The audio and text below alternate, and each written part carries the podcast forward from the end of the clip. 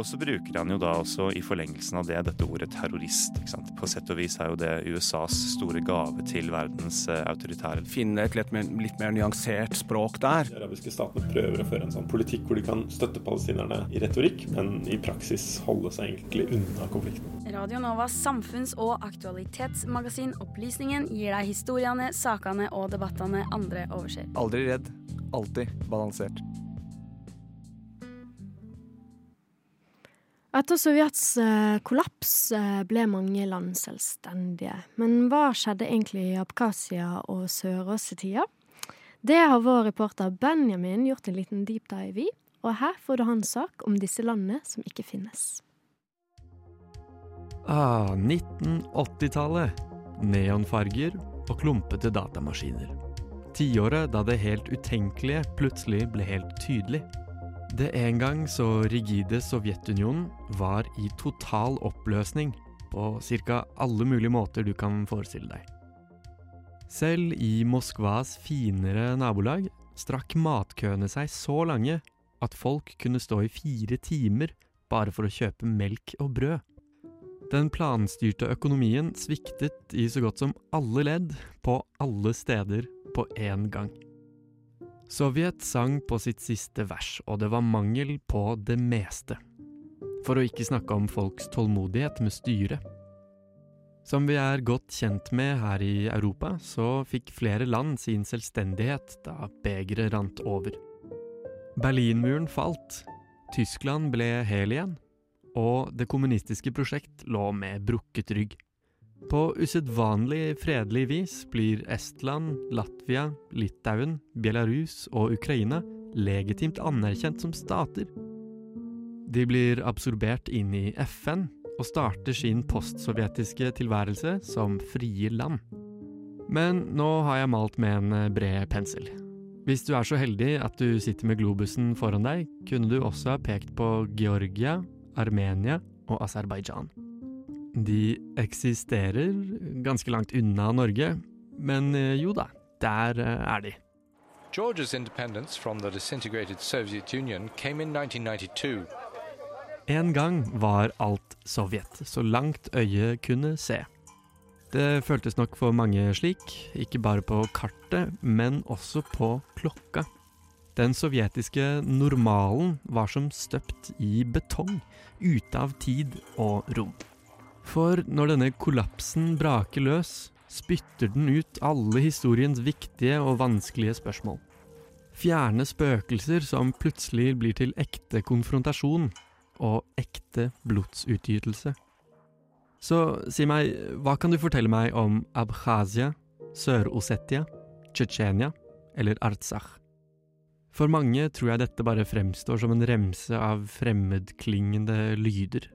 Det er nok mindre selvfølgelig for oss at dette egentlig er fire steder.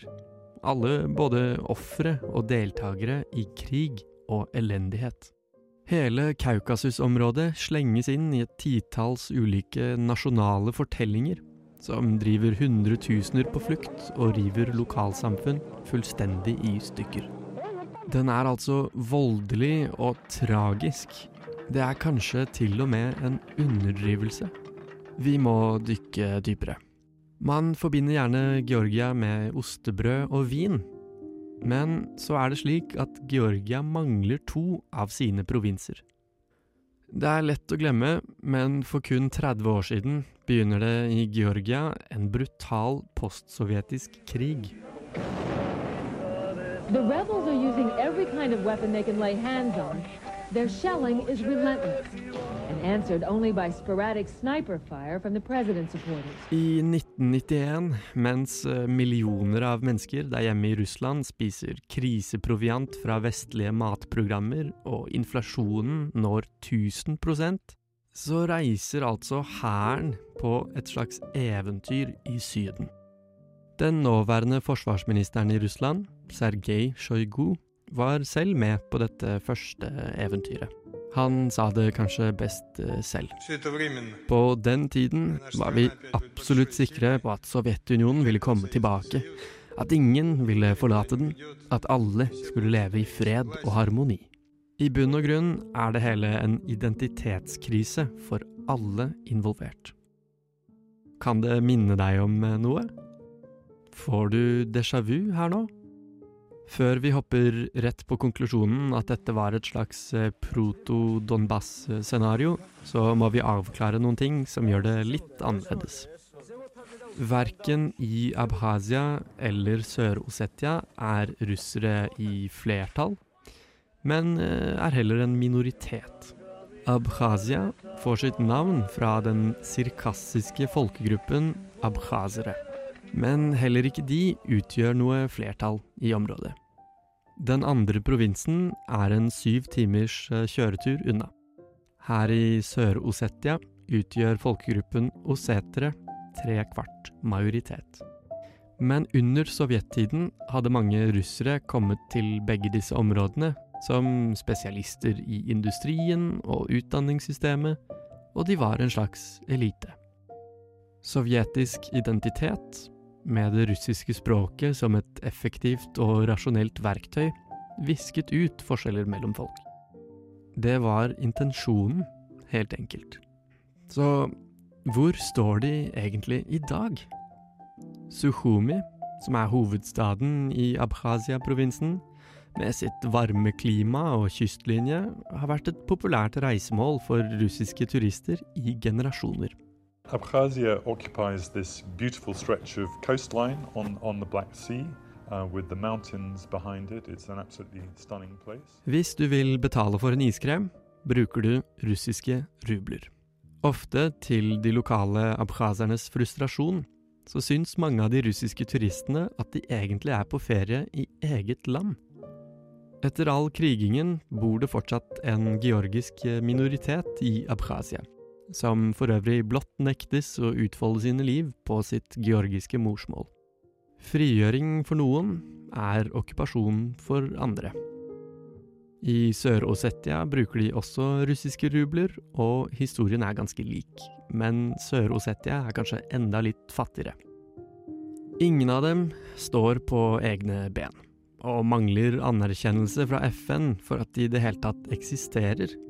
Begge to overlever nesten utelukkende på økonomisk støtte fra Moskva, som betaler alle budsjetter og har det selvutnevnte ansvaret med å forsvare områdene.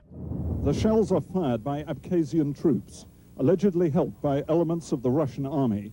At least 500 people have died in the indiscriminate bombardment. Extremists have sought to destroy the peace process just as it was beginning to deliver. On the ground, chaos. Hundreds of desperate civilians trying to fight their way on board every plane. Disse fredsbevarende styrkene har ved to forskjellige anledninger rykket lengre inn i georgisk territorium og kjempet blodige kamper mot det georgiske forsvaret. Sist gang var i 2008. Hvis du er ca. like gammel som meg, kan det hende at du husker å ha sett dette på TV. I dagens lys er det mange som nå tolker dette som en forsmak på senere eventyr. Der fikk du vår reporter Benjamin Nordtømme. Musikken hentet fra Blue Dot Sessions.